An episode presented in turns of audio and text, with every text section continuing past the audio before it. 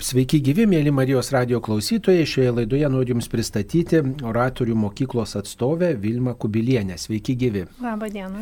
E, taigi, pirmiausia, galbūt reikėtų tarti keletą žodžių, kas yra toji oratorių mokykla ir, ir kas yra tas oratorystės menas, nes ne visi žmonės turbūt gal ir girdėję tokį žodį, arba kurie girdėję, tai yra naudinga prisiminti tiesiog ir patikslinti, kas tai būtų. Pradžiai buvo pirminė idėja, kad oratorių mokykla skirta mokiniams mokiniam kad mokiniai turėtų galimybę augdyti savo viešojo kalbėjimo gebėjimus, kad jie galėtų pristatyti save, apginti savo kažkokias idėjas ir auktų tokie drąsūs ir tie ribojantis tokie įsitikinimai jų neslopintų.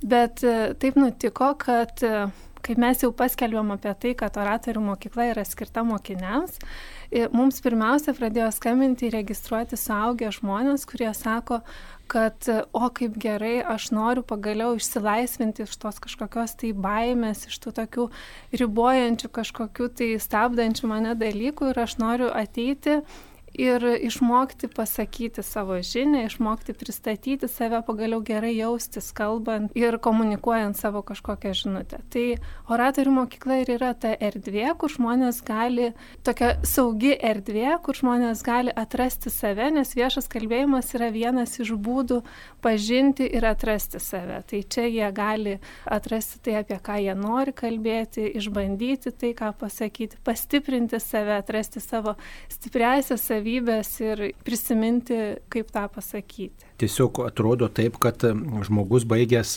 vidurinę mokyklą, o gal net ir aukštuosius mokslus, jau turėtų mokėti kalbėti, juk dabar nėra taip, kad mokytųsi žmonės pavieniui mokosi mokyklose, juk ten reikia ir pristatyti įvairius darbus, ir, ir atsiskaityti, ir, ir pasakoti, ir, ir lietuvių kalba yra, ir aiškus įskaitimas, ir įvairūs dalykai yra.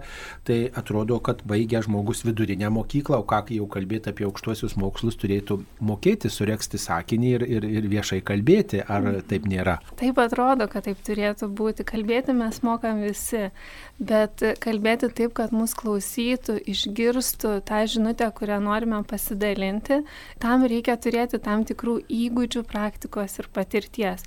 Lygiai taip pat, kaip galim sakyti, kad šokti mes mokam visi, bet šokti taip, kad kiti žiūrėtų ir sakytų, wow, arba dainuoti mes irgi visi mokam, bet dainuoti taip, kad eitų į mūsų koncertą, kad klausant kylanti širptų oda, tai, tai jie, tie žmonės daug dirba, daug treniruojasi, daug įdeda praktikos tam, kad mums būtų gražu žiūrėti, klausyti. Tai lygiai taip pat ir su kalbėjimu. Kalbėti mes mokam, bet kalbėti taip, kad mus išgirstų, klausytų, norėtų patikėti tomis idėjomis ar neuždegti kažkokias mintis kitų galvose, tai tam reikia tam tikrų praktikų, įgūdžių, pasitikėjimo savimi, kitas dalykas žinoti, ką pasakyti, išsigryninti tą žinutę, tai tą reikia praktikuotis. O jeigu tokį realų pavyzdį iš mokyklos apie mokinius, tai galiu pasidalinti, kaip viena mokinė pasakojo apie tai, kai ji stojo į naują gimnaziją Ir atėjo auklėtoja ir sako, nu dabar yra e, nau, jūs nauji, nauji mokslo metai, renkama mokinių taryba, kas iš klasės nori dalyvauti. Daugiau kaip pusė mokinių pakėlė ranką, nes norisi būti tokiais aktyviais, ar ne, nauja mokykla. E, auklėta sako, puiku, tik jūs pagalvokit, kokių idėjų, ką norit pristatyti, ką tokio gero galit pasiūlyti dėl savo mokyklos. Kita diena auklėtoja klausė, kas iš jūsų kažką sugalvojo, tai aišku buvo mažiau rankų, bet davė sąrašą, visi susirašė. Kita diena auklėtoja sako, puiku, dabar yra data tokia ir tokia, kuomet reikės pristatyti tą savo idėjas, ką jūs siūlot e, komisijai. Tai spėkit, kiek liko mokinių, kurie išdryso net pagalvoti apie tai, kad nori tą padaryti. Liko tik tai du mokiniai, kurie sako gerai, aš eisiu ir pabandysiu ir pristatysiu tai. Ir kai atėjo ta diena, kai reikia eiti, kalbėti ir pristatyti savo idėjas, norint būti mokyklos taryboje, nuėjo tik tai viena mokinė.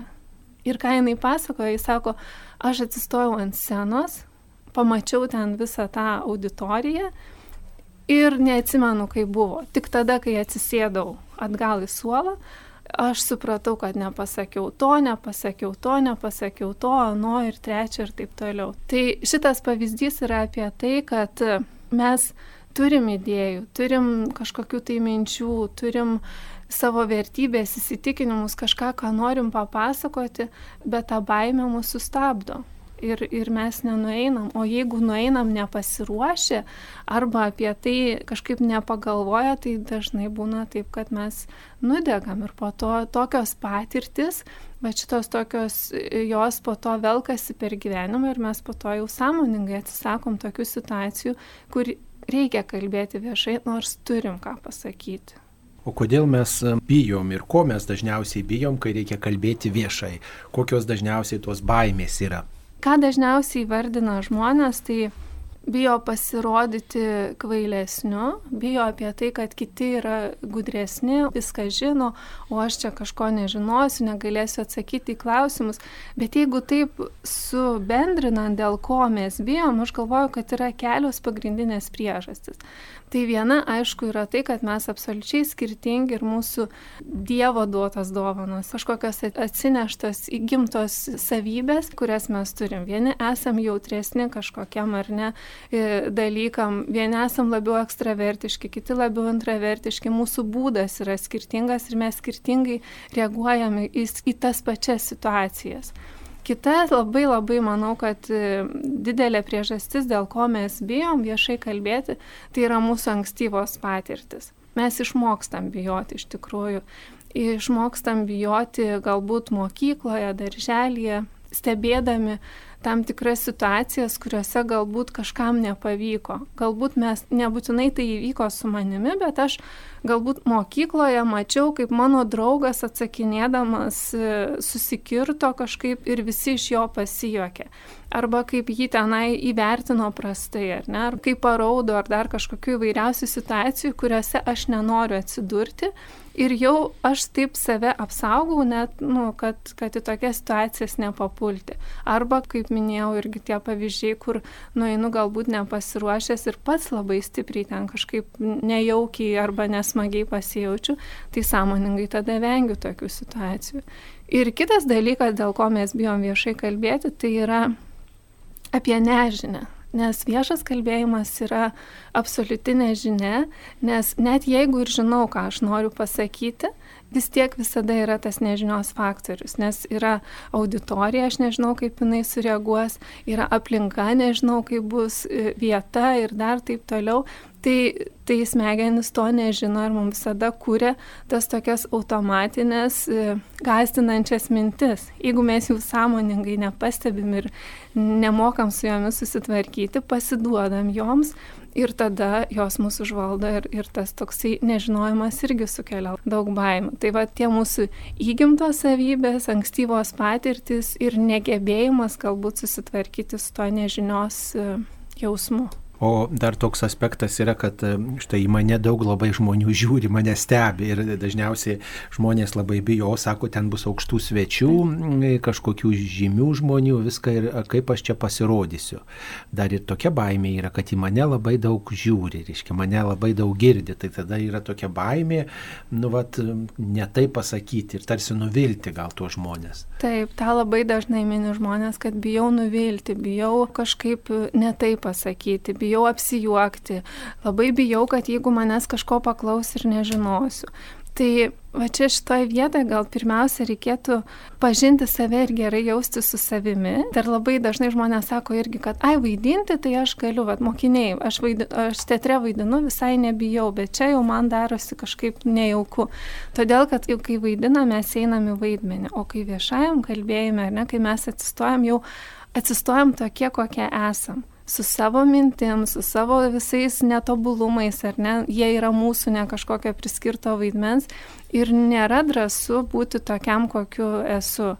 Tai dėl to ir, ir būna tai, kad nu, labai gazdina tas, kad kiti pamatys, kad aš nesu tobulas, nesu toks, kaip norėčiau pasirodyti, nors iš tikrųjų reikėtų priimti ir pripažinti tą savo ribotumą, pripažinti savo ribotumą žinojimo tam tikrose sritise, kad aš kažko nežinau, kad esu pažeidžiamas, kad taip pat turiu jausmus ir galiu jaudintis. Jeigu jaudinuosi, vadinasi, man yra svarbu tai, ką aš noriu pasakyti, arba man svarbus tie žmonės. Tokiu kampų galbūt reikėtų žiūrėti ir apie tai galvoti. Mes kartais kviečiame į laidas čia taip pat radijo įvairius pašnekovus ir irgi jie kartais atsisako, o sako, čia tūkstančiai klausysis, kai baisu, sako, aš bijau susikirsti.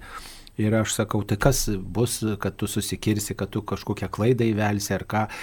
Nu, va, tai aš apsijuoksiu ar ką, ar tai mhm. nėra tokia puikybės, tokia žymė, ženklas, kad aš bijau būti silpnu, bijau suklysti, bijau parodyti savo ribotumą. Nu, negaliu mhm. daryti visko tobulai. Turbūt net ir geriausi oratoriai, geriausi žinovai Taip. daro klaidų ir jie susikerta ir, ir nuvilia, tai, tai ko čia bijot, nu tiesiog parodom savo silpnumą ir pripažįstam, nu nesam visažiniai, nu esam silpni žmonės žmonės ir gal mes labai norim save gerai vertinti ir norim, kad kiti mus labai puikiai vertintų. Toks gal vat, noras būti tobulu gal čia yra. Aš galvoju, kad čia yra didžiausia klaida, kai mes eidami kalbėti galvojam labiausiai apie save. Kaip čia aš atrodysiu, ar čia mano galbūt suknelė graži, ar man čia spuogas tas matysis, ar plaukai, ar dar kažkas. Kai mes per daug fokuso sutelkiam į save, tada ir atsiranda tas toksai nu, didelis baimės jausmas, va apie ką ir kalbėjom, pasirodyti tokiu, kokiu esu. Nors iš tikrųjų viešajame kalbėjime svarbiausia yra žinutė, svarbiausia yra žinia, tekstas, kurį aš atsinešu, ta idėja. Ir kai mes perkeliam fokusą nuo savęs į tai, ką aš noriu pasakyti, kad aš noriu kažką pasidalinti, duoti žmonėm kažkokią tai naudą, nes paruošiau, kad noriu, kad ta žinia, ta idėja, ta kažkokia tai mintis pereitų į kitų žmonių galvas, Tai kai galvoju ir einu dalintis, tada ta baime visiškai sumažėja. Tai einant kalbėti viešai, reikėtų nuimti fokusą nuo savęs, ne aš čia esu kaip žmogus svarbiausia, bet yra žinia, kurią aš įtainu pasidalinti. Ir svarbiausia tą žinutę, kurią aš turiu, pat ir perkti kažkaip unikaliai, savitai, taip kaip aš galiu. Ir gali būti ir taip ir bus, kad aš pateiksiu ją kitaip, negu pateiks kažkas kitas, ar ne, ne tą pačią žinią.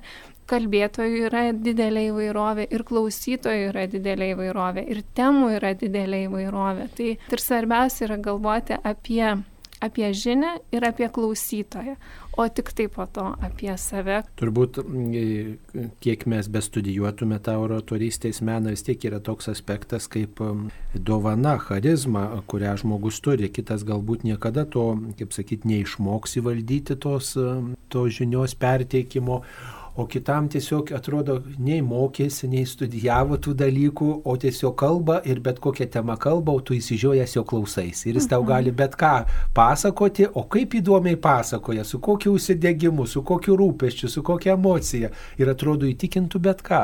Čia gal mhm. yra tikrai žmogus apdovanotas tokiu kalbėtojo talentu. Tai čia yra apie tas įgimtus dalykus, ar ne, kaip ir kalbėjom. Čia man norisi tokią paralelę suvesti su, pavyzdžiui, smūkininku arba dar šokėjų kažkokio. Yra tam tikrų įgimtų dalykų, kurie padeda tam žmogui greičiau pasiekti rezultato. Bet jeigu jisai nebūtų įdėjęs darbo į tai, greičiausiai jisai to ir nepasiektų. Tai vieniem tas užlipti ant scenos yra lengviau, o kitiem reikia daugiau pastangų ir darbo. Tai jeigu taip e, į tą tokį oratorystės e, kaip finišą matytumėm tą oratorę, apie kurį galvojam, ir tai būtų kelionė, tai kiekvienas mes link to esam skirtingam kilometre, ar ne? Ir, ir vieni iš mūsų tiesiog dar stovi, pat apie tai, kur atsisako tiesiog tų bet kokių galimybių kalbėti, Kiti yra tokie vadinami galbūt atsitiktiniai kalbėtojai, kurie, kai visi jau sako, oi ne, ne, aš tai neįsiu, nekalbėsiu, jau geriau išeisiu negu kalbėsiu, tada atsiranda kažkas, kas, nu gerai, aš kažką pakalbėsiu arba pasakysiu.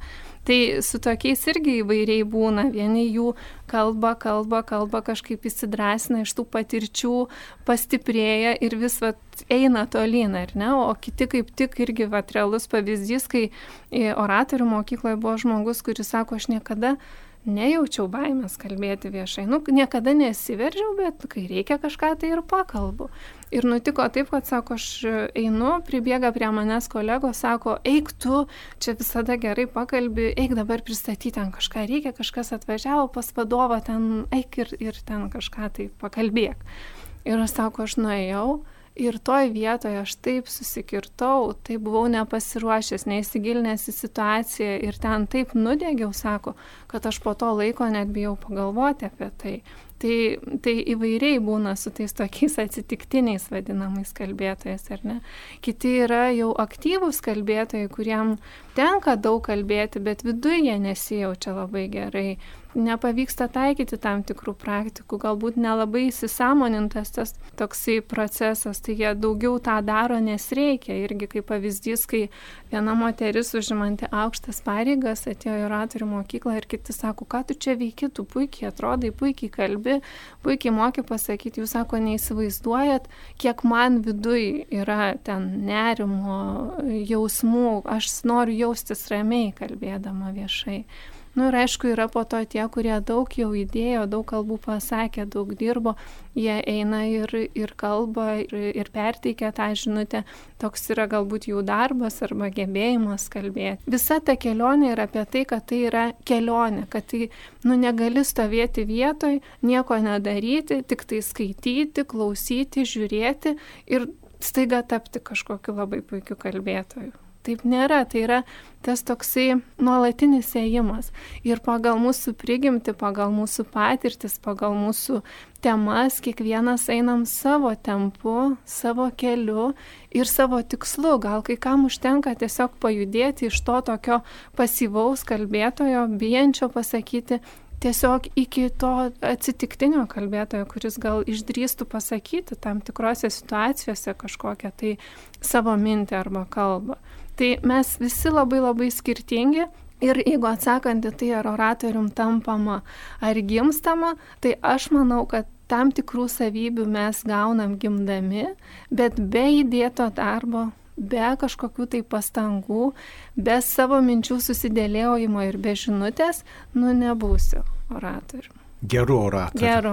Iš tiesų, jūsų beklausydamas pagalvojau, kad turbūt tai aktualu ne tik tai mm, tokiems žmonėms, kurių galbūt darbas e, susijęs su oratorystė, bet e, apskritai daugeliu žmonių mūsų klausytojų auditorija yra labai įvairi ir yra ir vyresnio amžiaus žmonių, ir taip pat vidutinio amžiaus žmonių, ir jaunesnių, bet galvoju, kad tai nėra tik tai mm, ten mokytojų, kunigų, vienuolių ar ten kažkokių vadovų tokia duona duona kalbėti, ne, bet iš tiesų yra daugybė progų, kur, kur mes galime išmokti gražiai kalbėti ir tas be galo bus svarbu. Štai pavyzdžiui, susirenka visa šeima švesti. Taip kūčios, kalėdos, Velykos ir tada yra proga turbūt va, štai pasimelsti arba papasakoti apie tikėjimą, ne savo žmonėms, savo šeimai, savo giminiai. Ir tai yra proga net ir tam vyresniam žmogui turbūt perteikti tikėjimo žinę, taip įtikinamai, drąsiai, nuoširdžiai, ne tai, kad ten pasimelskim ir viskas gerai, bet yra būdas va, paliūdyti tikėjimą ir, ir galbūt nuo to žinios perteikimo tikrai tų žmonių širdį susidegs. Mes tiesiog galim panaudoti šitą dovaną dovaną, šitą gebėjimą kaip įrankį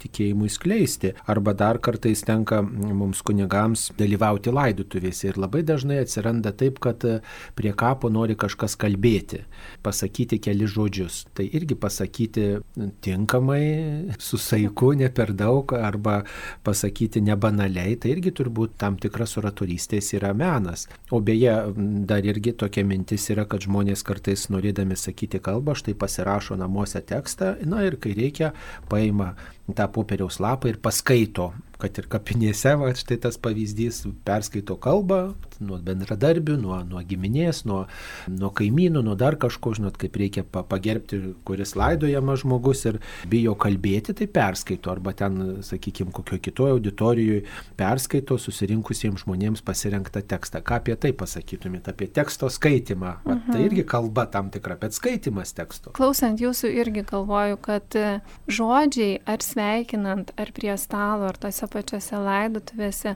mūsų sukurta, prisiminta istorija sudėta į žodžius yra dovana, nes mes visko dabar esam pertiekę prie stalo, ar ne, susėdus dovanų pilna, bet atsistoti ir pasakyti, savo istoriją, kokie man brangus galbūt tie žmonės, kurie yra čia susėdę, pasidalinti kažkokią savo patirtim, paminėti kažką, padėkoti kažkam.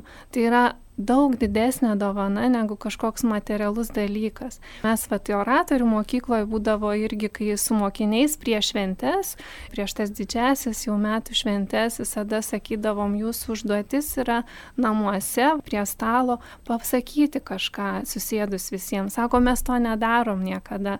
Prieš tai aišku pasiruošti, pagalvoti temą kažkokią, tai minti, ar, ar už ką esu dėkingas, kad čia esu, ar dar kažką ir pasidalinti tuo. Tai žodžiai mūsų tos istorijos yra dovana tiem klausantiems.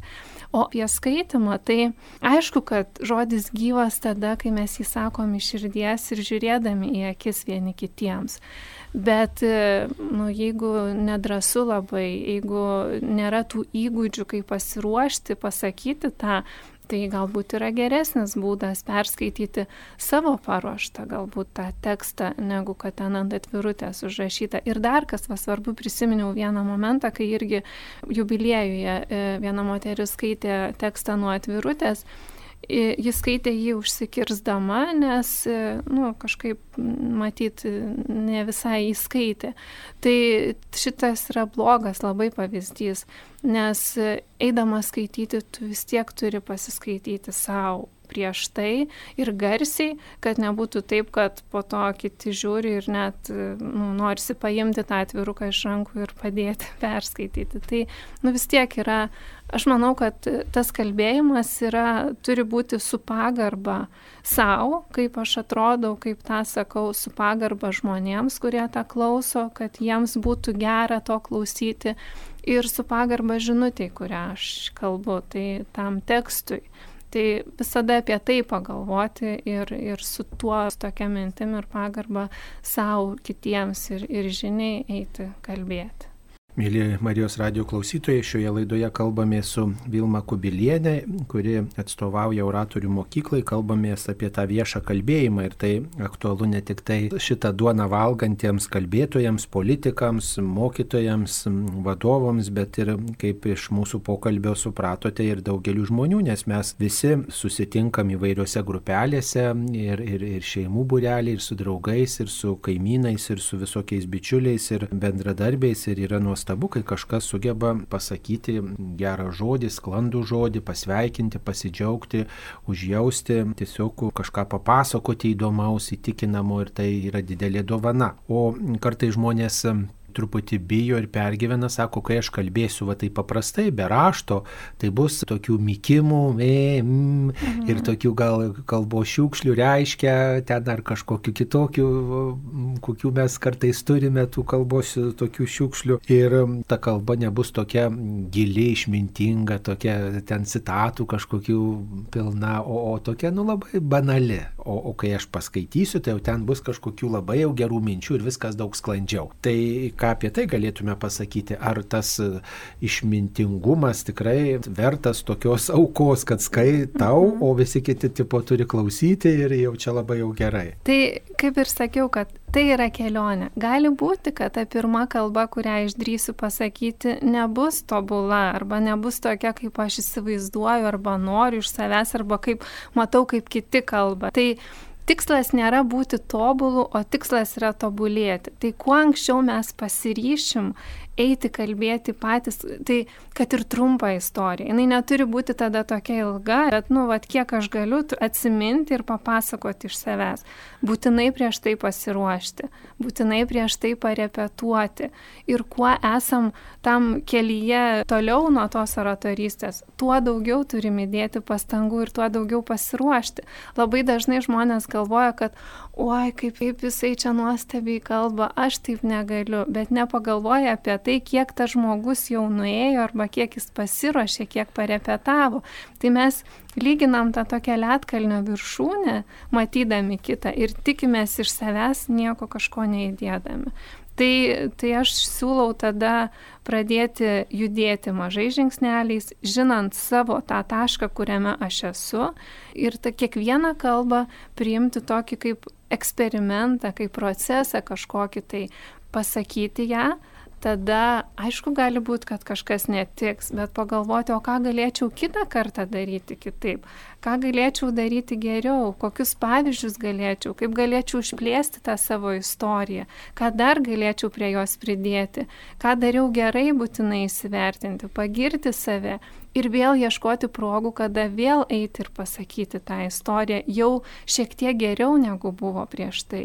Ir aišku, kad vėl nebus tobulai. Ir vėl taip pat paimti ir ją pažiūrėti. Tai priimti kaip procesą. Netobulu reikia būti o nuolat tobulėti, bet tą daryti sąmoningai. Dar vienas toks aspektas, kad kai kalbu be raštų, tai yra daug nuoširdžiau. Nesvarbu, galbūt ir klaidų bus, Taip. ir ten gal kažkoks linksnis nesuderintas bus, ar kirtis netoks, ar kažko neprisiminsiu, ar kažkur užsikirsiu, bet aš daug nuoširdžiau tą pasakysiu ir kad paprasčiau bus, bet tą žmonės labiau priims ir įvertins labiau, kad ir šiek tiek su klaidom, negu kad tobulas tekstas, kurį aš paėmiau ir perskaičiau. Taip. Turbūt apie tai irgi verta pagalvoti. Taip, taip ir intonacija visai kita kita. Ir tas paprastumas, nuoširdumas yra daug labiau paveikiamus. Nu, mums nereikia tų tobulų žmonių. Ir taip čia aplink viskas apsimetama, kad yra kažkaip ne taip, kaip yra. Matyti pažeidžiamą žmogų, kuriam rūpi tai, ką jisai sako, kai mes matom, kad rūpim mes jam, kai jisai kalba tai nieko blogo jau, nu, jausti tą nerimą ir ten kažkiek drebančių balsų kalbėti. Tai nu, mes esam žmonės, ačiū Dievui, kad turime emocijas ir kad esam skirtingi visi. Kaip e, galėtume mokytis viešai kalbėti? Turbūt reikėtų daug skaityti, kad e, mano žodynas būtų turtingesnis, kad įvairesnių žodžių žinočiau, klausytis kitų kalbėtojų, analizuoti tą kalbą jų ir pačiam turbūt praktikuotis. Gal dar žinot kokių patarimų ar, ar, ar kokių mokymosi būdų, kaip galėčiau mokytis sklandžiai kalbėti? Tų patarimų yra begalė, ar ne? Tik vienintelis juos apibendrinantis yra imti ir ieškoti ieškoti, kurie tinka man pačiam kaip žmogui. Tai jūs viską labai puikiai pasakėte. Tai pirmiausia yra pažinti save, įsivardinti, kas aš esu, kokios mano savybės, tada aišku, kad domėtis. Smalsiai visame kame stebėti situaciją, vis savęs paklausti, ką aš galvoju apie tai. Tas savo minčių kratinį, kuris yra galvoje, nuolat stengtis sudėti į kažkokį tai prasmingą žinutę, į prasmingą istoriją ir paversti tas mintis tokį sakiniais, istorijomis tai yra įgūdis irgi, kurio reikia nu, praktikuotis. Daug skaityti, klausyti, aišku, stebėti, bet stebėti kitus kalbėtojus ne per tokį ai man čia kažkaip be ryšio kalba, arba kažkas nepatinka, arba jis ten toks, arba kitoks, bet nuolat bandyti pastebėti kažkokius gerus dalykus. Ir kai mes stebėdami kitus, pastebim kitus dalykus, vienas dalykas, tas pasaulis visai kitoks atrodo. Ir tas įgūdis visame kame pamatyti kažką tokio naudingo arba gražaus, tai yra mums labai patiems naudingas. Ir kitas dalykas, kai mes einam kalbėti, Tai irgi tai yra tam tikras atspindys to, kaip mes matom pasaulį. Jeigu mes į kiekvieną žiūrėdami galvojam, oi, tas nevykęs, tas netaip daro, tas ten kažką netaip sako, kai mes atsistojam, lygiai taip pat tikimės to paties iš žmonių, kurie į mus žiūri. Bet jeigu mes praktikuojam tai, kad visada stengiamės pamatyti kažką gražaus, net ir ne ten, kur visai gražu ar ne, pamatyti gražius dalykus, gerus dalykus, tai kai atsistojam prie žmonių minę, mums jie nebeatrodo tokie grėsmingi, nes mes atspindim tai, kad vis tiek kažkas manyje pamatys kažką tokio, pastebės tą žinutę, kurią aš noriu pamatyti arba kažkokių išvelgs gerų dalykų. Tai, kaip mes žiūrim į pasaulį labai ir į žmonės, kurie yra aplink mus, labai daro didelę įtaką mūsų pačių savijautai, kaip mes jaučiamės tarptų žmonių. Dar vienas dalykas toks, kad e, mes, kaip kalbame, turbūt neišvengiamai ne tik tai savo žodžiais perteikiame vienokią ar kitokią informaciją, bet ir savo išorę, savo gestais ir ta tokia gal papildoma vaizdinė informacija. Ir kartais turbūt sakoma, turbūt girdėjau kažkur tokią žinutę, kad e, daug daugiau informacijos mes perteikiam vaizdu, savo intonaciją, savo, savo išvaizdą, savo kažkokiais ženklais, negu kad žodžiais. E, mhm. Ypatingai, kai žmogus mato tą kalbantį. Ką apie tai galėtumėt pasakyti, kiek vat, reikia skirti dėmesio tai tokiai papildomai atributikai šalia žodžių, ar ne? Tai turbūt, kai yra mokslinis pranešimas kažkoks, ar, ar ten tokia kalba kažkokio konferencijoje, tai turbūt neišvengiamai reikės ir tų skaidrių ten, ir mhm. diagramų, ir kažkokių ten ženklų, ir pavyzdžių, ir viską, kas būtų matoma, ta, ta informacija geriau įsisavinama, bet šiaip, vat, pavyzdžiui, tokioj kalboj, bendroj, šventėse, dar kažkur, nežinau, kur žmonės taip dažniau gal kalba, ar ne, ir, ir tas gal svarbiau didesniam būriui žmonių, kiek svarbi ta tokia vaizdinė informacija šalia mano žodinės informacijos, kurią perteikiu. Jis yra labai svarbi, nes mes e, informaciją suvokiam tais verbaliniais ir neverbaliniais kanalais vadinamais. Labai svarbus yra momentas, kad mūsų žodžiai sutaptų su kūno kalba. Ir visa ta vaizdinė medžiaga, mūsų kūnas, apranga, išvaizda, balso tembras, tempas ir visi kiti dalykai, gestai yra skirti tam, kad padėtų žmogui išgirsti tą, ką aš noriu pasakyti. Nes kai aš skaitau, tai aš matau skirtingas pastraipas, kažkas pabraukta, kažkas pakreiptų šriftų, kažkas padidinta, antraštės ir visą kitą aš matau tekste. Tai kai mes kalbam, viso to nėra ir žmogus negali perversti mano kalbėjimo. Tai balsas ir gestai yra tam, kad, nu, tokie tam tikri skirybos ženklai, ar ne, kad padėtų susigaudyti tame tekste. Tai ir jie yra labai svarbus, kad ta žinutė būtų išgirsta, kažką pabrėžti, kažką galbūt labiau akcentuoti įvairiais būdais, kaip minėjote, ir tom skaidriam ar ne paveiksliukais. Gali būti bet kokia vaizdinė medžiaga, atsineštas kažkoks tai daiktas, kuris tinka į tą temą ir tinka, kad pabrėžti tai, ką aš noriu pasakyti, pastiprinti tai, atkreipti į tai dėmesį. Tai visi šitie dalykai tam ir skirti, bet vis tiek manau, kad yra pagrindas žinutė. Kai aš turiu žinę ir noriu organiškai ją perteikti, tai visas kūnas ir balsas atsistoja kažkaip tai savaime. Bet, bet jeigu mes klausydami žmogaus matom, kad kažkaip nesutampa tai, ką jisai sako su jo kūno kalba, su jo išvaizda, su pozicija, kaip jisai stovi ir dar visais kitais dalykais, mes tada esam linkę suabejoti ir labiau patikėti vaizdu negu tuo, ką jisai sako. Tai, tai įrodo, kad e, vaizdas yra labai svarbu, bet aš vis tiek lenkiu link to, kad nu, turi žinoti, ką nori pasakyti ir ką perteikti. Taip, žinutė turi sutapti su mano ta informacija, kurią noriu persakyti savo ir išvaizdą kartu, kad man Taip. padėtų tai. Dar vienas dalykas tai yra humoras, kurį kartais mes pasitelkiam savo kalbose. Iš sovietinių laikų prisimenu tokį patarimą, sako, su humoru reikia labai atsargiai, nes humoras dalykas rimtas, nes visų pirma galiu ne vietoj, ne laiku panaudoti, tada bus labai liūdna, tiesiog visiškas fesko. Ir kitas dalykas, kad nemokėsiu to anegdoto mhm. ar ten kažkokios istorijos papasakoti, nes e, nėra nieko liūdniau, kai pasakoju anegdotą, o niekas nesijokia. Ne? Tai tada jau ir mano kalba, tada ir mano žinutė tada jau, jau tokia liūdna ir aš nebenoriu jos neatsakyti, o Taip. bėgti iš gėdos degdamas, nes nepavyko, nes niekas nesijokia, niekas nepriima. Tai ar tenka jums vat, susidurti su tokiom linksmom situacijom, kurios svarbios būtų, jos taip yra gal pagalba, nes sušildo atmosferą, ne, priima geriau tiek klausantieji kalbėtoje ir galbūt padeda tą žinutę priimti, bet kaip va tą humorą taip tiksliai pataikyti. Čia yra apie tai, kad kas tinka vienam, netinka kitam. Ir yra sakoma, kad jeigu nesijauti gerai, tai jau geriau nekalbėti ten tų juokelių ir nesistengti pralinksminti auditorijos, jeigu tu pats nesijauti puikiai laisvai ir gerai. Tai vis tiek čia jau reikia atrasti savo kelią.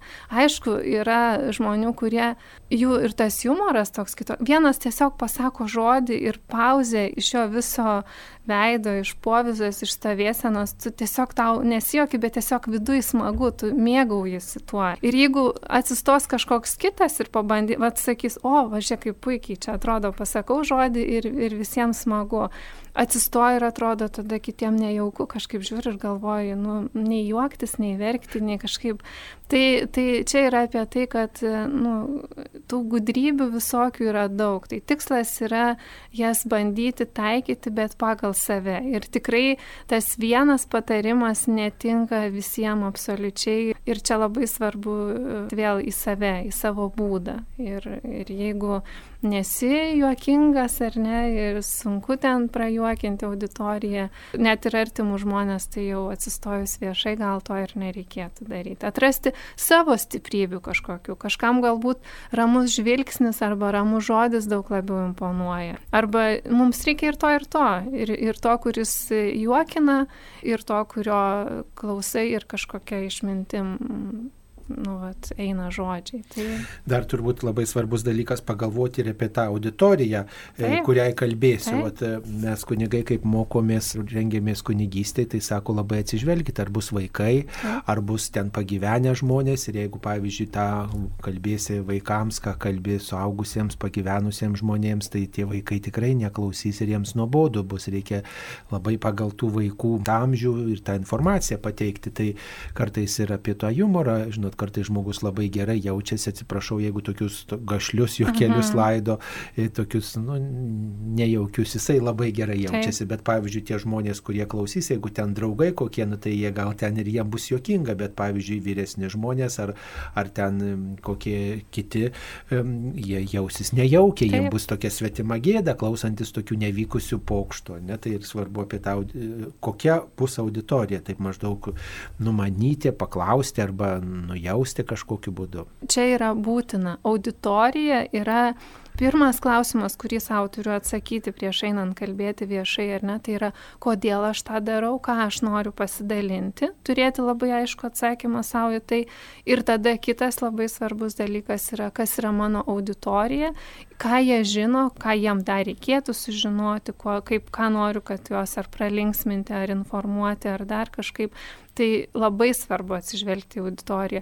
Man priminėt vieną irgi buvo tokia situacija, kai aš vat, apie tą tokią svetimą gėdą, kai buvo mokytojo auditorijoje, tas kalbėtojas tokius pavyzdžius tenai kalbėjo ir pasakojo, kad aš kažkaip klausiau, man nepatogu net buvo, net nepatogu žiūrėti, tame aš galvoju, kaip taip nejausti tos situacijos, kur tu esi klik su kažkokiais, nežinau, bendramžiais, kažkokiam va draugų būry ir nu, visiškai nedėra. Ir tada matai, kad ta auditorija nesupranta net kaip, kaip čia elgtis, ar čia juoktis, nesmagiai net jaučiuosi, ar nesijokiu, bet visi juokės ir tada nupastato į nepatogią situaciją. Tai kalbėtojas neturėtų taip nusukelti tokios e, atmosferos, kad kitiem būtų nejauku.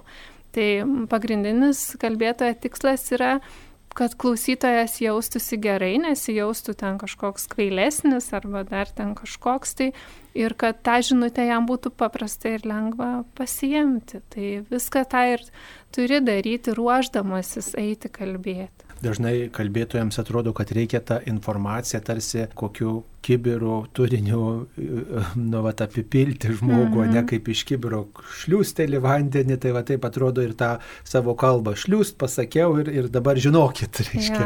Yeah. Bet e, neįvertinam tų tylos pauzių, kad e, vis dėlto reikia tyloje žmogui duoti apmastyti. Tai ir va, mhm. tinkamai galbūt žaisti toj kalboj su tyla, ypatingai kai kalba yra rimta, arba tos informacijos yra labai daug, tai tos tylos pauzės tokios e, labai saikingos, bet kartu ir, ir ne per trumpos, ir ne per ilgos, padėtų vis dėlto mano tai kalbai pasiekti žmonių širdis. Ar apie tai mhm. turbūt irgi ne visi pagalvoja, oratoriai, kalbėtojai, sveikintojai, apie tylos pauzės tinkamas. Tai yra labai svarbu ir tai tie patys tarytum skrybo ženklai, ar ne, apie kuriuos kalbėjom, kad tam tikras laikas ar kitas skyrius ar kita pastraipa, kai aš pereinu kažkur tai į kitą mintį, tai tas yra labai svarbu, kad, kad mums padėtų išgirsti ir suprasti. Nu ir dar vienas turbūt paskutinis dalykas, bet pats įdomiausias, tai yra pavyzdžiai turbūt ir mes ir pavyzdžių, istorijų, tokių konkrečių nutikimų tikimės įvairiose kalbose ir dažniausiai suklūstame ties tais pavyzdžiais. Ar yra pamokslas, pavyzdžiui, bažnyčioje, ar yra koks pasakojimas, kažkokios informacijos pristatymas ir štai pasako, na pavyzdžiui, va tokia situacija, mhm. sakykime, pristato kažkokį įstatymą ar ten kažkokį metodą, nu ir va pavyzdžiai. Tai atrodo pati tokia linksmiausia, įdomiausia dalis, nes padeda suprasti visą tą, ką kalbėtojas nori pasakyti. Ką apie tai galime dar pasakyti, iš kur tų pavyzdžių imti ir, ir kaip, kaip juos tinkamai pritaikyti temai. Ar juos galima sugalvoti, ar pasiskolinti, pavokti, ar nuskaityti kažkur, kaip, kaip yra su tais pavyzdžiais, kuriuos turbūt daugiausiai ir įsimena žmonės. Mhm. Jūs labai teisingai sakot, pavyzdžiai, realios istorijos mus paveikia labiausiai.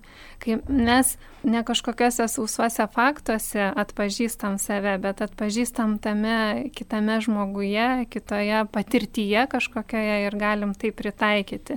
Iš kur jų gauti? Tai iš savo gyvenimo, kaip ir minėjau, ar ne, kad būti geras kalbėtojas, smalsiai stebėti ir įsisamoninti vis kiekvieną kažkokį, net ir nepavykusi, tarytum kažkokį tai įvykį, pagalvoti, ko aš iš to galėjau išmokti ir kaip tai galėčiau pasidalinti, kaip galėčiau pertikti kitiem, kad to nebūtų arba būtų kažkaip kitaip. Klausyti kitų, skaityti, galbūt kartais net ir tinka sukurti arba kažkaip adaptuoti tą istoriją, kuri yra įvykusi, bet tam, kad padėti klausytojai geriau e, tą žinutę išgirsti arba paveikti tuos jausmus kažkokius. Tai, tai tinka įvairūs būdai, tik aišku, nemeluoti. tas, tas tai tikrai netinka, bet e, imti tuos pavyzdžius e, iš gyvenimo ir, ir tuo dalintis. Ir dalintis savo istorijomis, dalintis tomis patirtimis, tai yra labiausiai mums paveiku ir labiausiai artima ir labiausiai to norim. Nes e, iš tikrųjų, aš manau, kad viskas, kas turėjo būti pasakyta ir apie viešąjį kalbėjimą, ir galbūt apie daug kurių dalykų jau senai buvo pasakyta, dabar mes tai kartojam ir tam, kad kažkas išgirstų ir tą geriausia padaryti per, per pavyzdžius, per, per savo patirtis ir, ir taip dalintis tuo pačia žinia. Taigi, mėly Marijos radio klausytojai, šioje laidoje kalbėjomės apie oratorystės meną, apie tokį viešą kalbėjimą, kuris svarbus ne tik tai tokiems viršininkams, vadovams, kalbėtojams, mokytojams, kurie iš to duona valgo, bet ir kiekvienam iš mūsų, nes turbūt gyvenime visada esame patyrę tokių situacijų, kai reikėjo pasakyti ar sveikinimo kalbą, ar padėką, ar, ar pristatyti kažkokį vieną ar kitą darbą. Taigi linkime visiems įvertinti šitos tarnystės svarbą, o beje ir perteikiant tikėjimą, tinkamai pristatyti, tas yra be galo svarbu ir galbūt mums geriau sektųsi tikėjimą perteikti, jeigu visi sugebėtume tinkamai pristatyti, kuo mes tikime ir kodėl mums Dievas yra svarbus, taigi linkime to mokytis. Vilma Kubilienė šioje laidoje kalbino aš kunigas Saulis Bužauskas. Visiems linkiu gerų, įkvepiančių kalbų. Ačiū, sudė.